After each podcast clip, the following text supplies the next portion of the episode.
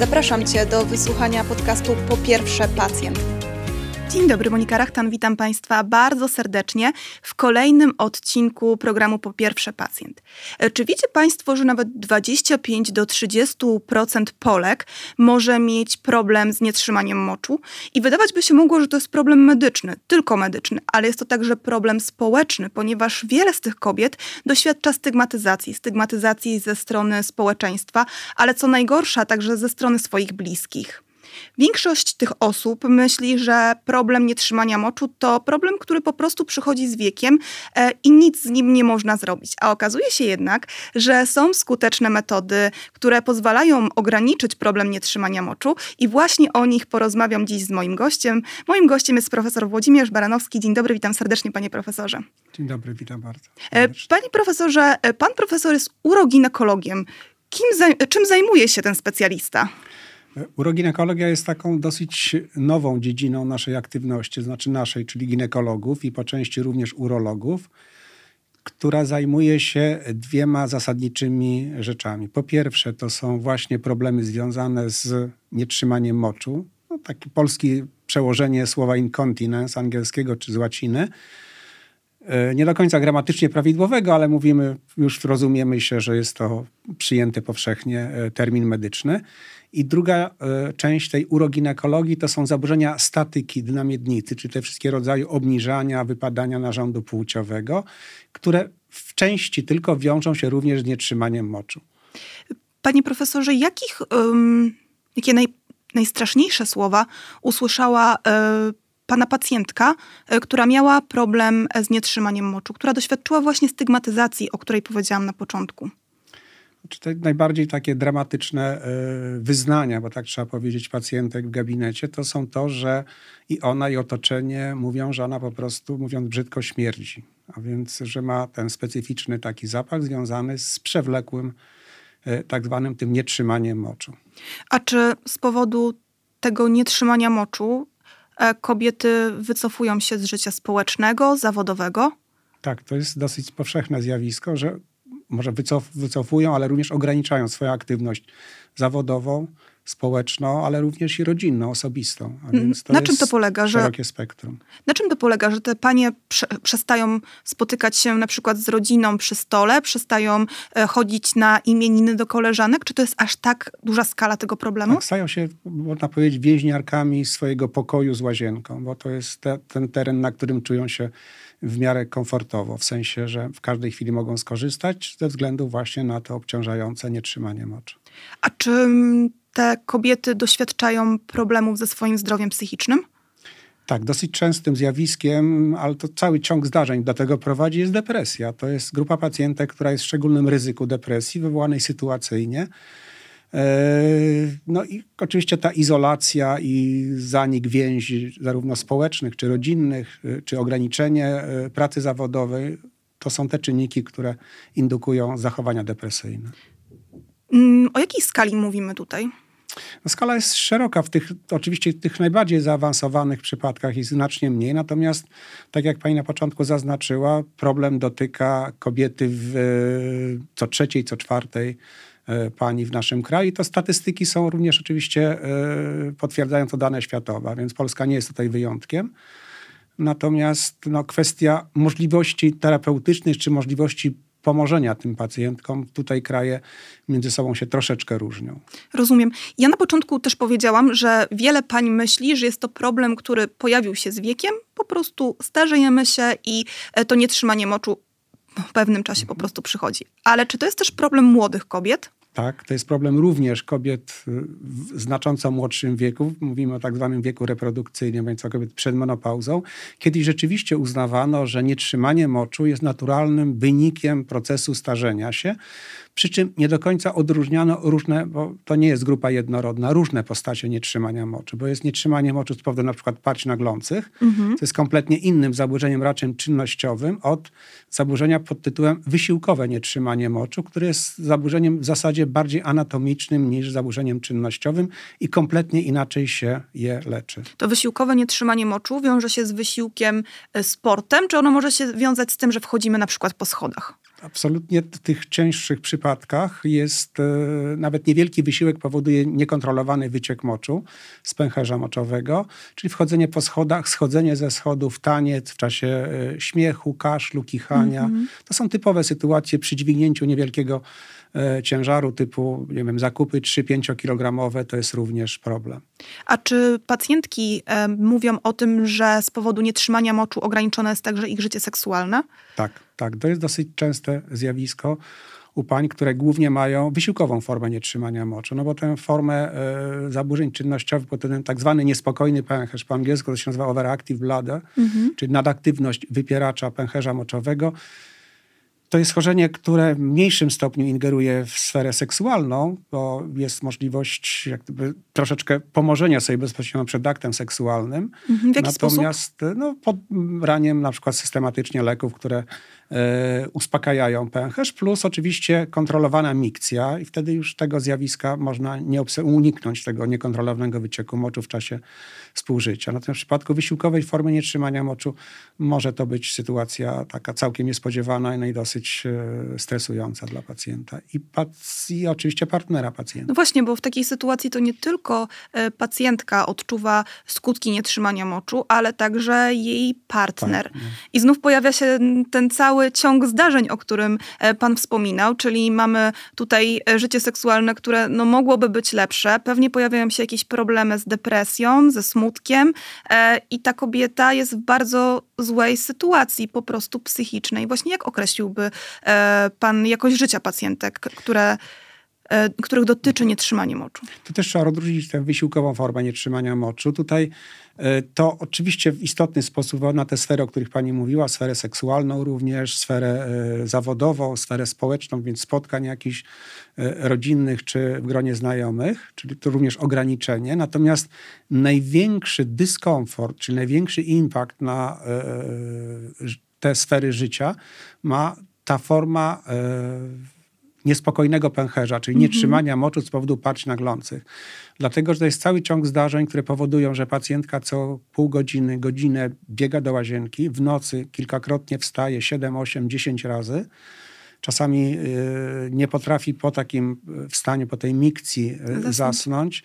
W związku z tym jest niewyspana, zmęczona i to są te wszystkie czynniki, które tworzą błędne koło w efekcie prowadzi to bardzo często rzeczywiście do depresji i zaniechania generalnie takiej aktywności zawodowej, społecznej, o rodzinnej. O tą aktywność zawodową jeszcze zapytam, bo zastanawiam się, kiedy mówimy o stygmatyzacji e, osób, których dotyczy nietrzymanie moczu, e, czy e, Zna pan profesor taką historię, kiedy to kobieta na przykład została zwolniona z pracy, ponieważ występował u niej taki problem?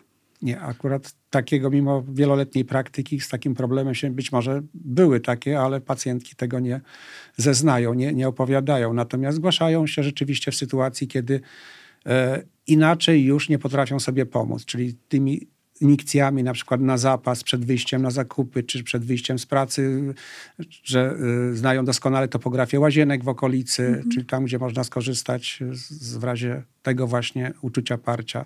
Y, ja zapytałam o tą sferę zawodową, dlatego że przygotowując się do tego programu, zawsze zerkam na takie grupy pacjentów na e, Facebooku e, i tam właśnie jedna pani opisywała swoją sytuację, że pracowała jako kasjerka i że no, nietrzymanie moczu w jej przypadku, właśnie e, takie, które skłaniało ją do tych wizyt bardzo częstych w toalecie, spowodowało, że jej pracodawca e, po prostu wypowiedział jej pracę, kiedy ona się usprawiedliwiała, że jest po prostu osobą chorą, chciała mhm. przynieść zaświadczenie od lekarza, no to niestety e, ten pracodawca nie był wyrozumiały i powiedział, że nie jest w stanie przez swoją chorobę e, wykonywać swojej pracy, no co było dla niej bardzo przykre i pisała właśnie o tych wszystkich problemach nie tylko związanych z utratą pracy, ale o tych wszystkich aspektach zdrowia psychicznego, które ją w związku z tą sytuacją dotknęły.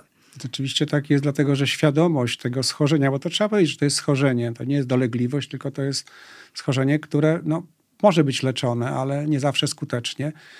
E, nie tylko wśród chorych, ale również wśród otoczenia jest bardzo nikłe i to nie jest też swoistość polska, ale również na zachodzie jest w tych ładnych krajach o wysokim e, stopniu rozwoju gospodarczego, czyli tej świadomości również społecznej, to zjawisko również nie jest tak do końca z punktu widzenia socjologicznego mhm. po pierwsze rozpoznane, po drugie akceptowalne. Mhm, czyli nie tylko my mamy z tym problem. Mhm. W pracy wrocławskich naukowców z Uniwersytetu Medycznego we Wrocławiu przeczytałam, że tylko 50% osób dotkniętych nietrzymaniem moczu rozmawia o tym ze swoim lekarzem.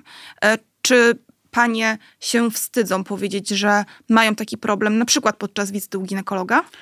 E, podczas wizyty ginekologa też takie zjawisko występuje, że nie chcę o tym mówić, zwłaszcza jeśli zgłaszają się z kompletnie innym problemem, mm -hmm. typu na przykład, że mają torbiel jajnika, ale jednocześnie mają współistniejące problemy z utrzymaniem moczu w pęcherzu. Mm -hmm. Natomiast ja coraz częściej spotykam się z tym, że świadomość tego przestaje być e, rzeczą wstydliwą. Innymi słowy, pacjentki częściej mówią na temat tych problemów. Natomiast wydaje mi się, że warto również w naszym środowisku, ja mówię o środowisku lekarskim, czyli urologów głównie, czy lekarzy rodzinnych, ale mhm. również ginekologów przede wszystkim, takie celowane pytanie zadać. W mhm. sytuacji, zwłaszcza jeśli badamy pacjentkę, widzimy, że ma mniej lub bardziej.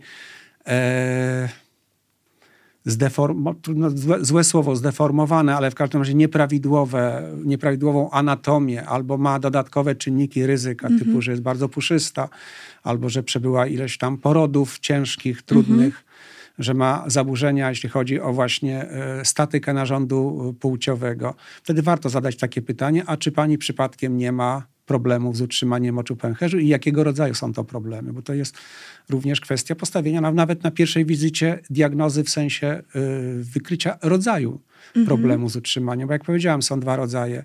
Nietrzymanie moczu co do parci naglących, albo mhm. cały zespół tak zwanego niespokojnego pęcherza, to żeby przy wstępnych słowach pacjentce problem przy, przybliżyć opisuje, lub też tę klasyczną formę wysiłkową nietrzymania moczu, czyli związaną z wysiłkiem, czyli z tłocznią brzuszną, czyli klasycznie kaszel, kichnięcie, to są te symptomy. Oczywiście jest całe jeszcze pole y, mieszanych form, czyli jest i jedna forma y, niespokojnego tego pęcherza, mm -hmm. czyli pobudzenie tego pęcherza, plus również wysiłkowa komponenta. Powiedział pan, że ym, lekarze podstawowej opieki zdrowotnej, lekarze rodzinni powinni też pytać e, o ten problem, o to schorzenie. Mhm. E, czy oni, czy do zdiagnozowania, rozpoznania nietrzymania moczu i określenia e, rodzaju tego, tego schorzenia potrzebne jest jakieś badanie, które nie jest dostępne w gabinecie lekarza POZ? Nie, ustalono już dosyć dawno, mniej więcej od mniej więcej 20 lat, że takim bardzo prostym testem na po pierwsze stwierdzenie, czy jest nietrzymanie moczu. Jest proste pytanie, czy ma mhm. pani problemy z utrzymaniem moczu w pęcherzu? E, drugie pytanie, kiedy, e, w jakich okolicznościach występuje to to zjawisko, czyli to gubienie moczu. I po trzecie, mhm. kiedy najczęściej. To tak zwany test trzech pytań, który z dużą precyzją, bo ponad 90% pacjentek pozwala na tej pierwszej wizycie, nawet przez nie ginekologa, nie urologa, stwierdzić, jaki rodzaj nietrzymania moczu ma pacjentka. Jeśli na te pytania te odpowiedzi nie będą jednoznaczne, może tak się zdarzyć, mhm. to te pozostałe 10-8% powinno mieć wykonane badanie urodynamiczne, tak zwane, mhm. które jest trudniej dostępne, jest badaniem specjalistycznym i wtedy już prawie prawie, bo znowu medycynie nie ma 100%, mamy pewność, z jakim rodzajem nietrzymania moczu mamy do czynienia. A na czym polega to badanie urodynamiczne? Czy to jest jakieś badanie bardzo inwazyjne? To jest badanie no, quasi-inwazyjne, nie wiąże się z uszkodzeniem powłok, ale to jest badanie z zakładaniem e, e czujników zarówno do pęcherza moczowego, jak i do e, odbytu i wykonania takiego specjalistycznego, dosyć długiego badania, które musi być poprzedzone przygotowaniem pacjentki, posiewem, między innymi badaniem moczu, a więc no i oczywiście wiąże się z ryzykiem głównie y, infekcji dróg moczowych po badaniu.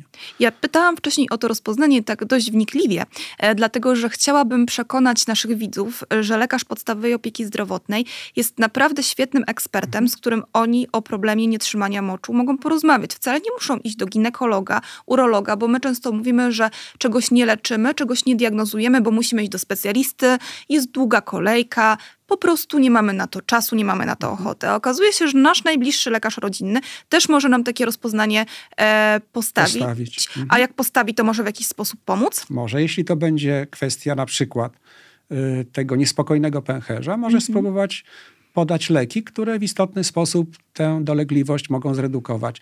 Zresztą nasze środowisko, ja mówię o ginekologach, e, tych również organizacji lekarzy e, rodzinnych, jak i urologach, dosyć często organizujemy, mamy wykłady Mhm. takie, jak gdyby w pewnym sensie uświadamiające lekarzy podstawowej opieki zdrowotnej na temat tego zjawiska, powszechności tego zjawiska, możliwości tych prostych diagnostycznych, przecież nikt nie wymaga specjalistycznej tutaj y, diagnostyki czy też specjalistycznego leczenia i w ten sposób świadomość tego wśród lekarzy rodzinnych również rośnie. Mam nadzieję, że w przyszłości będzie to problem o wiele łatwiej rozwiązywalny już na poziomie lekarzy podstawowej opieki zdrowotnej.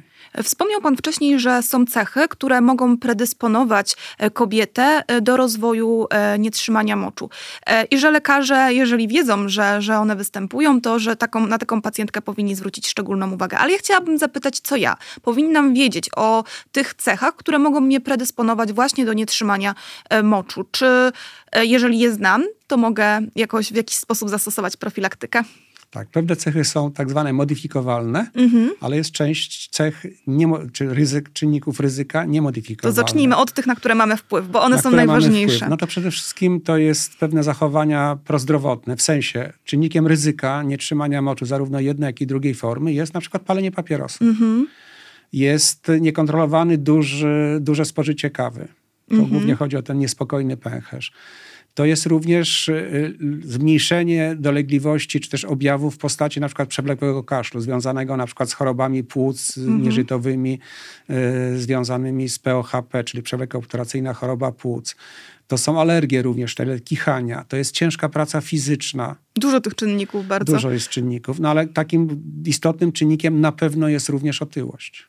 To jest ten czynnik, który u dużej części pacjentek indukuje głównie wysiłkową formę nietrzymania moczu. To jest również źle leczona albo nieleczona cukrzyca, Mhm. która z kolei niszczy pęcherz o tyle, że on wykazuje cechy tej nadaktywności, czyli tego niespokojnego pęcherza. Ale myślę, że to, co po pierwsze każda z nas może zrobić, jeżeli chce zredukować e, te czynniki, to rzucić palenie i zredukować masę ciała do tej prawidłowej, albo chociaż trochę, Tak żeby jest. ten organizm miał po prostu lepsze możliwości e, działania. No i zachowań prozdrowotnych to jeszcze oczywiście może nie intensywne, ale jednak ćwiczenia fizyczne. Aktywność fizyczna i ćwiczenie mięśni na miednicy z tym czynnikiem, który może nawet y, i zredukować, ale również w pewnym sensie zadziałać profilaktycznie, jeśli chodzi o zjawisko nietrzymania moczu. E, mówiliśmy o tym, że jeżeli pacjentka już dostanie diagnozę, to y, to rozpoznanie, to schorzenie nie skazuje ją wcale na to, że ona będzie musiała się Cierpieć. cierpieć. Właśnie, więc jakie obecnie metody e, pan e, profesor proponuje swoim pacjentkom, żeby pozbyły się tego problemu? Więc przede wszystkim kwestia to jest postawienia trafnej diagnozy, bo tak Mhm. jak powiedziałem, te dwa rodzaje główne, nie będziemy zajmować się i takimi mieszanymi, czy też innymi rodzajami nietrzymania, czyli nietrzymanie moczu podopatrz naglących, to jest domena leczenia farmakologicznego. Mhm. Na W czym ono polega? Polega na podawaniu po prostu leków. W Polsce są dostępne, tak jak na całym świecie, e, preparaty z dwóch głównych grup. Mhm. Jedne są refundowane, te tak zwanej starszej generacji preparaty, które mają pewne cechy działań niepożądanych, bardziej nasilone niż ten preparat, w zasadzie jeden obecny na rynku, który jest e, nierefundowany, jest dosyć, dosyć drogi. Ale to jest, tak jak powiedziałem, proste podawanie tabletek Tabletek. ma sens w sytuacji, kiedy rozpoznajemy ten zespół, tak jak mówiłem, tego niespokojnego pęcherza. Czyli pacjentka musi bardzo często oddawać mocz, e, musi wstawać w nocy, żeby, żeby oddawać mocz, ma e, gubienie moczu z powodu parć naglących, no ma ciągle uczucie parcia, więc tej wędrówki do toalety dziennie to jest kilkanaście razy, w nocy również ponad dwa do ośmiu razy, albo nawet jeszcze częściej. I to jest domena leczenia farmakologicznego. To ja zapytam jeszcze, czy to leczenie pacjentka stosuje do końca życia? E, To leczenie należałoby w tak sposób empiryczny przeprowadzić przez kilka miesięcy, Mhm. odstawić lek i zobaczyć, co się dalej dzieje. Jeśli wraca dolegliwość, to oczywiście powrócić do tej terapii. A jakie są Pana obserwacje? Kobietom udaje się raczej e, zwalczyć problem już przy pierwszym, powiedzmy przy pierwszej turze, czy są takie panie, które faktycznie do końca życia muszą te leki przyjmować? E, Są niestety panie, które powinny przyjmować takie preparaty do końca życia, nie w sposób ciągły, ale z przerwami kilkumiesięcznymi. Są też grupa pacjentek, które nie reaguje na to leczenie. Wtedy mamy do dyspozycji jeszcze tak zwane leczenie drugiego rzutu, Mhm. czy tam w zasadzie trzeciego, czyli podawanie to, co jest modne bardzo, bo to botoksu do pęcherza. Mhm. Ale to jest e, e, procedura e, powiem, uwarunkowana tym, że brak reakcji na wcześniejsze leczenie farmakologiczne, zawsze należy pamiętać, co jest najtrudniejsze dla Mhm. pacjentek, o tym, że to leczenie w zasadzie powinno być poprzedzone albo uzupełnione o tak zwaną fizjoterapię. Mhm. A więc, tak jak polega? właśnie ćwiczenie mięśni dla miednicy, to jest również różne sposoby przy pomocy fizjoterapeuty ustalanie pewnych e, sposobów e, postępowania, trening pęcherza moczowego, czyli wydłużanie odstępów między poszczególnymi mikcjami, oddawaniami moczu.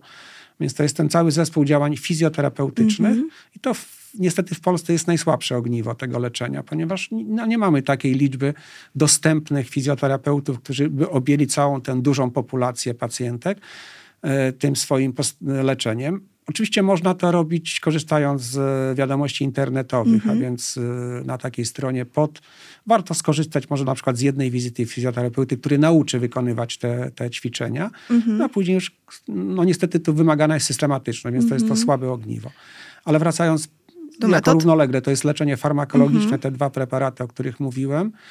E, Ten pierwszy, starszy jest obarczony najczęściej takim uciążliwością w postaci suchości w ustach. Mhm. W zasadzie są tylko dwa przeciwwskazania u pacjentek, które nie powinny przyjmować tego typu leczenia. To jest, e, to jest jaskra i to jest e, miastenia, a więc choroby relatywnie, no może jaskra nie, ale, ale miastenia rzadko występujące. Natomiast e, jeśli chodzi o drugą formę nietrzymania moczu, wysiłkową formę nietrzymania moczu, po nieskutecznym leczeniu zachowawczym e, mamy do dyspozycji leczenie operacyjne. I to leczenie operacyjne w ciągu ostatnich 20-20 kilku lat przeszło istotną ewolucję na korzyść, w sensie takim, że po pierwsze stało się o wiele bardziej efektywne niż jeszcze kilkanaście, kilkadziesiąt lat temu, ale jednocześnie stało się minimalnie inwazyjne. Co to znaczy? To znaczy, że z bardzo niewielkiego nacięcia, więc to uszkodzenie powłok, mówimy w tym wypadku droga to jest przespochwowa, jest założenie tak zwanej przysłowiowej, to panie doskonale wiedzą, które mają ten problem, tasiemki pod cewkę moczową, która pozostaje, wrasta się, pozostaje do końca życia i najczęściej, jeśli ten po operacji już jest utrzymanie moczu w pęcherzu, najczęściej ten efekt utrzymuje się już do końca życia. Jaka jest skuteczność takich zabiegów operacyjnych? Jest ponad 90%, w bardzo dobrych ośrodkach 95-96 nawet, A przy czy, minimalnej liczbie powikłań. a czy pani, y, która będzie operowana w taki sposób, musi w jakiś specjalny e, sposób przygotować się do tej operacji? Jak ona długo będzie leżeć w szpitalu? E, W szpitalu leży z reguły dzień albo dwa dni, to znaczy jest przyjęta, z reg- zależy to od zwyczajów danego oddziału. Z reguły jest tak, przychodzi jednego dnia, jest cała ta tak zwana papierologia, więc opisanie pacjentki, e, zbadanie. Następnego dnia z reguły jest operacja. Jeśli się nic nie dzieje, to w zasadzie mogłaby tego samego dnia, ale najczęściej następnego dnia po sprawdzeniu, czy wszystko jest w porządku, idzie do domu. E, To nacięcie goi się około 4-6 tygodni, a więc w tym czasie powinna ograniczyć swoją aktywność taką fizyczną i w zasadzie później jest już e, wyleczona. Y, Czy podczas takiej operacji może wydarzyć się coś, co będzie zagrażało życiu pacjentki? Zagrożenie życia wyjątkowo rzadko. Oczywiście, jak to w medycynie, takie przypadki również są opisywane, ale wyjątkowo rzadko. To jest na całym świecie kilka, kilka takich przypadków, być może związanych jeszcze z innymi towarzyszącymi schorzeniami. Natomiast e, generalnie jak w każdej chirurgii, takimi możliwymi powikłaniami e, to jest oczywiście możliwość uszkodzenia pęcherza moczowego. Jeśli jest rozpoznana, to nie jest żaden problem. Jeśli nie jest rozpoznana, to jak na przyszłość może jakiś problem istnieć. To jest możliwość oczywiście krwawienia, to jest możliwość wytworzenia się krwiaka pooperacyjnego. No ale to są oczywiście wszystkie e, cechy przypisane każdemu działaniu operacyjnemu. A więc nic nadzwyczajnego. Odsetek tych powikłań jest bardzo niski, naprawdę. To jest kilka procent z tych wielu operacji, które się wykonuje. Także warto się zapisać, po prostu na taką operację przyjść, wykonać. Trzeba mieć skierowanie, tak. Trzeba być e, Ale jest refundowana. skierowanym. Jest oczywiście refundowana, tak jak e, te leki starszej generacji również są refundowane w tym e, leczeniu niespokojnego pęcherza. Przygotowując się do naszej rozmowy, sprawdziłam, jakie hasła e, internauci najczęściej e, wpisują w wyszukiwarkę e, popularną, e, jeżeli chodzi o nietrzymanie moczu. E, I e, pan profesor już odpowiedział po części, e, czy jest jedna tabletka na nietrzymanie moczu. No, tabletka jest tylko i wyłącznie, jeśli jedna, tak, można Mhm. stosować jedno, można stosować dwa preparaty równolegle czy równocześnie, e, ale to jest efektywne tylko i wyłącznie w przypadku nietrzymania moczu z powodu parć naglących, albo tak zwanego mm -hmm. tego zespołu niespokojnego pęcherza. Pozostańmy po tej, przy tej nomenklaturze. Mm -hmm. I to nie jest tak, że weźmiemy jedną tabletkę i ta jedna pierwsza nie, już nam nie, pomoże. Pierwsza, nie, nie, nie. To oczywiście nasycenie musi być, czyli efekt działania zaobserwuje się mniej więcej po kilku tygodniach. Taki y, już y, tak zwane plato działania. Mm -hmm. I drugie pytanie było, jak szybko wyleczyć nietrzymanie moczu? Zastanawiam się, co znaczy szybko. Wysiłkową formę nietrzymania moczu można leczyć szybko, zakładając tę tasiemkę i jeśli to się powiedzie, no to oczywiście pacjentka jest wyleczona. Natomiast ta, to drugie zaburzenie czynnościowe, jeśli na przykład ma źródło w przewlekłych infekcjach, leczymy infekcję. Mm -hmm. Jeśli ma źródło w kofeinizmie, a więc redukujemy, redukujemy przyjmowanie kawy.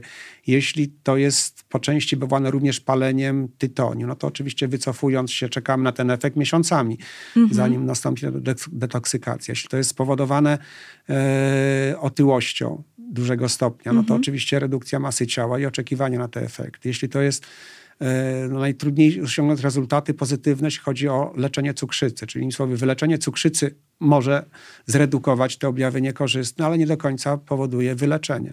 E, co mówią pacjentki pana profesora na przykład po operacji, kiedy problem znika? Jak zmienia się ich życie? najczęściej mówią, szkoda, że tak długo zwlekałam powinnam to zrobić wcześniej i wtedy moje życie odzyskałoby blask. Takim elementem terapii w nietrzymaniu moczu jest też odpowiednia higiena.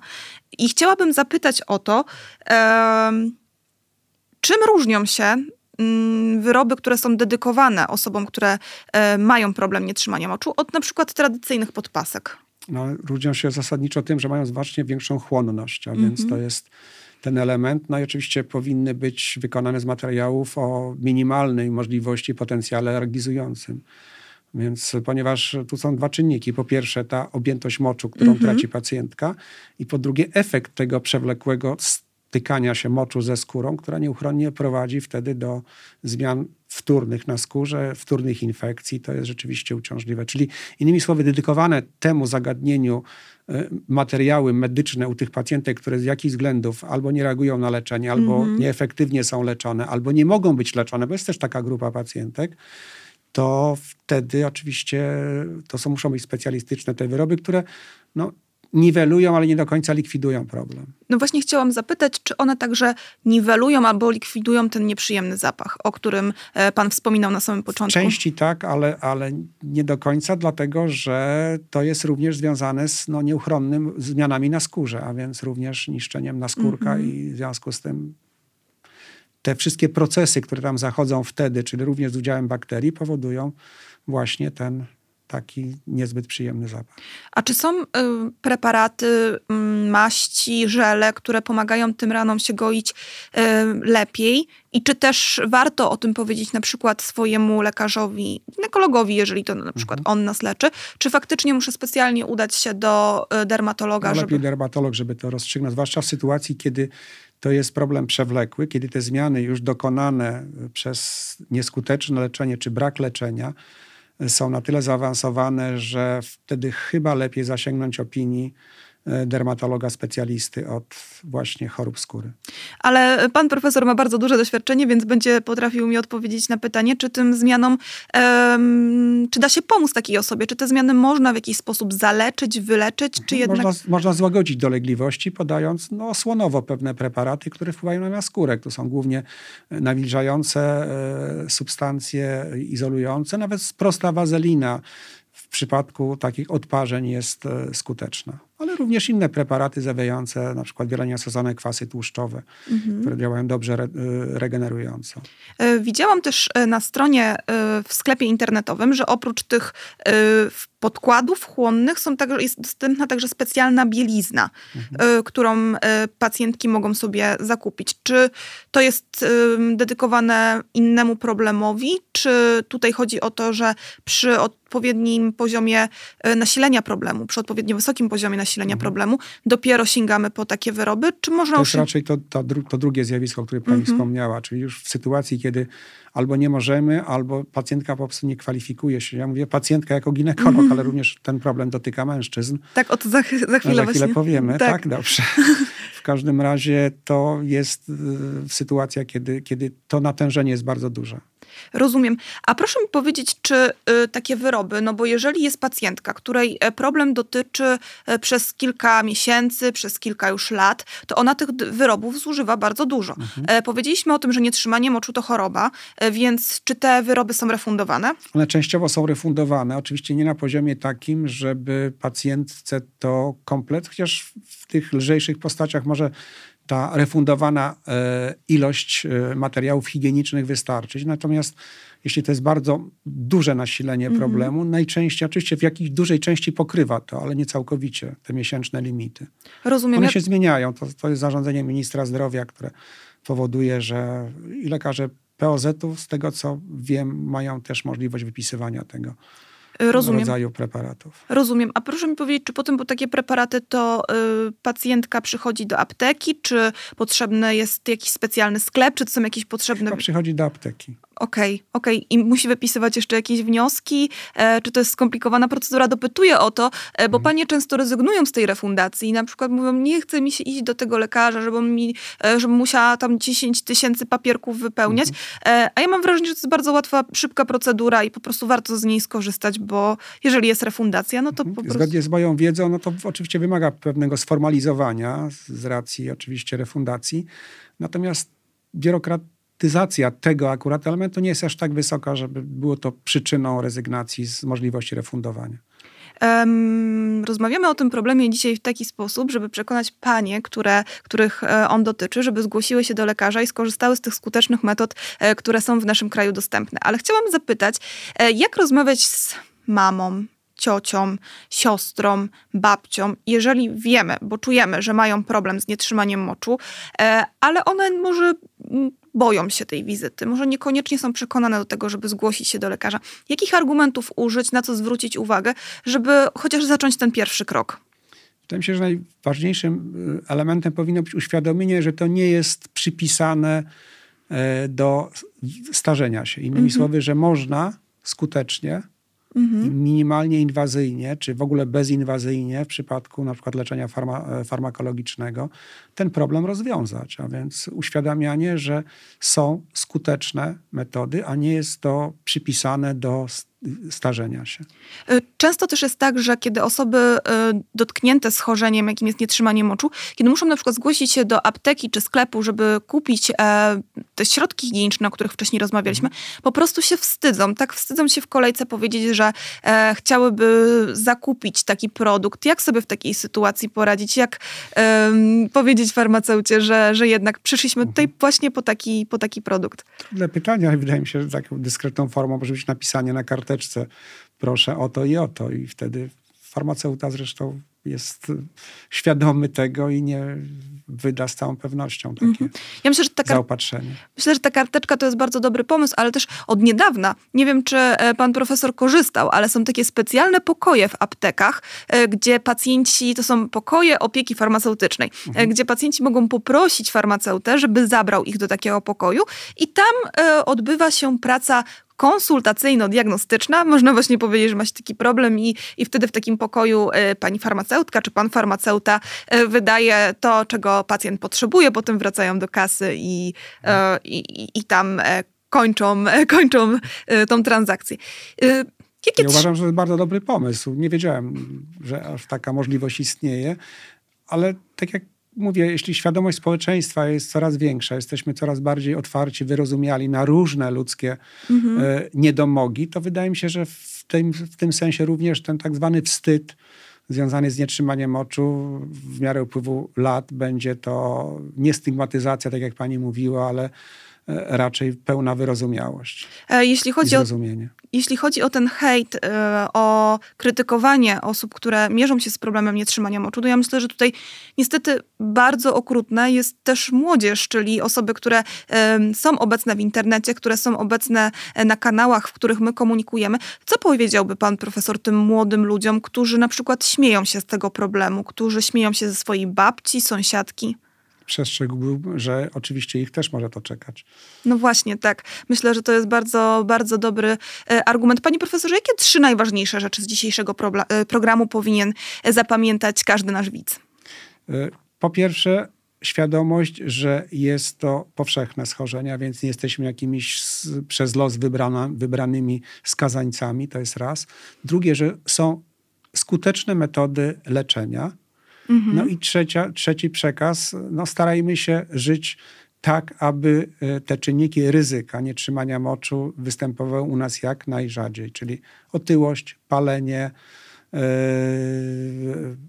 różnego rodzaju yy, leczenie chorób, które mogą wyindukować nietrzymanie moczu, więc między innymi obturacyjna choroba płuc, no i związane z tym konsekwencje. Mm, mówiliśmy dzisiaj o kobietach, o kobietach starszych i młodszych, ale też wspominał Pan, e, że problem nietrzymania moczu to także problem mężczyzn. Jak często on występuje u Panów? Tego akurat e, nie jestem w stanie określić, ale z danych statystycznych, mm -hmm. ja jestem ginekologiem, mm -hmm. więc mężczyźni pojawiają się tylko i wyłącznie jako partnerzy moich pacjentek na wizytach konsultacyjnych, ale to jest dosyć duży problem u mężczyzn, tak jak obserwuję statystyki, wynikający między innymi z bardzo powszechnego schorzenia, czy też mm -hmm. dolegliwości, jakim jest przerost gruczołu krokowego. Mm -hmm, oczywiście. I wtedy u mężczyzn najczęściej występuje, w zasadzie przeważająco występuje ten zespół niespokojnego pęcherza, mm -hmm. czyli zespół, kiedy y, pacjent ma uczucie parć naglących, że musi często oddawać moc, że musi wstawać w nocy i no oczywiście może mieć niepohamowane y, konieczność oddania moczu w sytuacji, kiedy nie może skorzystać z łazienki, czyli ma po prostu nietrzymanie moczu z powodu parć naglących. To jest bardzo mhm. powszechne. W wieku, powiedzmy, zaczyna się problem najczęściej statystycznie po 60 roku życia. Czasami, czasami wcześniej. Jest bardzo y, z tym związany również taki aspekt y, pewien psychiczny. Innymi słowy, świadomość tak, zadziałania mhm. bodźca y, powoduje, że jest no, konieczność tego natychmiastowej mikcji. Mhm. A więc E, tutaj również skuteczne są te leki, o których mówiliśmy. Ja myślę, że wypowiedź pana e, profesora będzie zalążkiem do mojej kolejnej rozmowy. Zaproszę oczywiście urologa, żeby zapytać e, o mężczyzn, ale myślę, że to jest też temat bardzo ważny społecznie. Wspominał pan profesor, że mężczyzn spotyka na wizytach konsultacyjnych, kiedy panie przychodzą ze swoimi problemami mhm. do pana gabinetu. Proszę mi powiedzieć, jakie wsparcie, jakiego wsparcia od swoich partnerów oczekują kobiety, które mierzą się z problemem nietrzymania moczu? Wydaje mi się, że to jest bardzo indywidualne, czyli innymi słowy stopień e, harmonii w tym związku decyduje o tym, na ile może liczyć pewna pacjentka na wsparcie, ale świadectwo tego, że taki partner pojawia się w gabinecie w mhm. trakcie mm -hmm. wizyty, świadczy o tym, że ta więź jest rzeczywiście zachowana dosyć bliska i wydaje się, w takiej sytuacji można liczyć na pełną wyrozumiałość i, mm -hmm. i pomoc. E, to myślę, że bardzo ważne, żeby właśnie mieć to wsparcie, tą wyrozumiałość, to przekonanie, że nasz e, partner akceptuje nasz problem, ale też stara się pomóc nam z nim walczyć, żeby jemu, ale przede wszystkim kobiecie żyło. Było dobrze. Tak. Jest. Panie profesorze, partnerem mojego programu jest Instytut Praw Pacjenta i Edukacji Zdrowotnej, który wie, bardzo dużo mówi o humanizacji medycyny. E, czym dla Pana jest humanizacja medycyny? E, humanizacja dla mnie w tym, w tym takim szerokim pojęciu polega na tym, na tak zwanej e, może indywidualizacji pacjenta. Innymi słowy, nie ma dwóch jednakowych pacjentek. Ja mówię o pacjentce, dlatego że jestem, tak jak powiedziałem, ginekologiem a więc e, to podejście takie bardzo indywidualne, zarówno jeśli chodzi o banalne schorzenia, typu na przykład no, mięśniaki macicy. Mm-hmm. Tutaj e, ta humanizacja polega na tym, że nie powinniśmy stosować standardowych, bardzo takich szablonowych, mm-hmm. może dla każdej pacjentki, sposobów rozwiązywania jej problemów. Ja jeszcze raz powołam się na ten przykład z mięśniakami w sensie takim, że jeśli pacjentka ma 45 lat, ma mięśniaki macicy, to pierwszą informacją przy takiej diagnozie, którą słyszy, to trzeba oczywiście, jeśli są objawowe, wykonać mm -hmm. operację. I ta mm -hmm. operacja, jeśli chodzi o zakres tej operacji, to jest amputacja trzonu macicy. Mm -hmm. Najczęściej 45-letnia kobieta na takie, na takie diktum no, bardzo ostro reaguje. A dlaczego trzeba usuwać ten trzon macicy? Mhm. A nie stosować metody, które są mniej inwazyjne albo mniej amputacyjne. Mhm. Czyli na przykład wyłuszczenie. No i to jest ta sposób, kiedy można, tak powiem, negocjować i starać się pacjentce zindywidualizować to e, mhm. postępowanie. Oczywiście, rozumiem. E, dalej y, może już w samym takim sposobie leczenia, to mamy do czynienia tak zwaną personalizacją. Mhm. Czyli mi słowy, staramy się dobrać, ja nie mówię już generalnie w ginekologii, dobrać rodzaj terapii do nie tylko rodzaju choroby, Mhm. ale jeśli są takie możliwości, to również spersonalizować, dostosować do e, potrzeb, wymagań, czy też e, e, życzeń tej pacjentki. Nie zawsze jest to możliwe, nie jest to tak łatwe, ale, ale jest możliwe, więc e, można starać się, aby nie postępować szablonowo.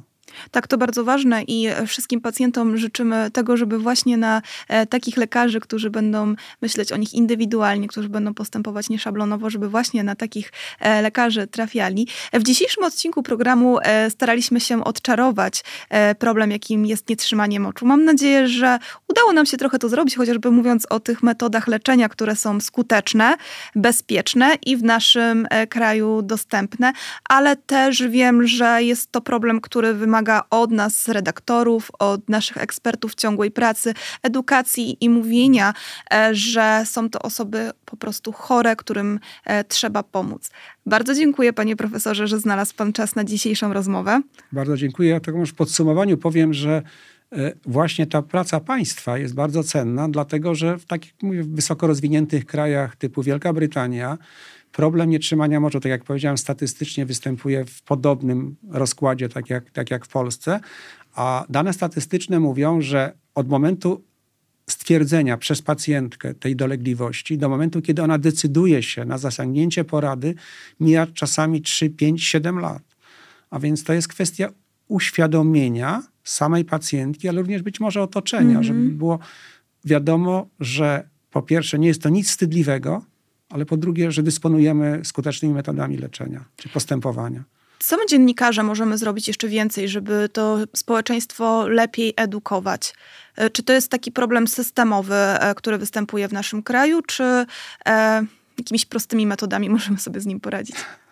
Myślę, że główna sprawa to w jakiejś atrakcyjnej formie podane i te niezbędne informacje i informacje po pierwsze rzetelnie, realnie oceniające sytuację, a to chyba jest najlepszy y, moment, żeby y, taka pacjentka skorzystała z takiej propozycji, miała świadomość, że coś takiego jest Tak, ta i potrafiła to wykorzystać. Ta świadomość jest bardzo potrzebna.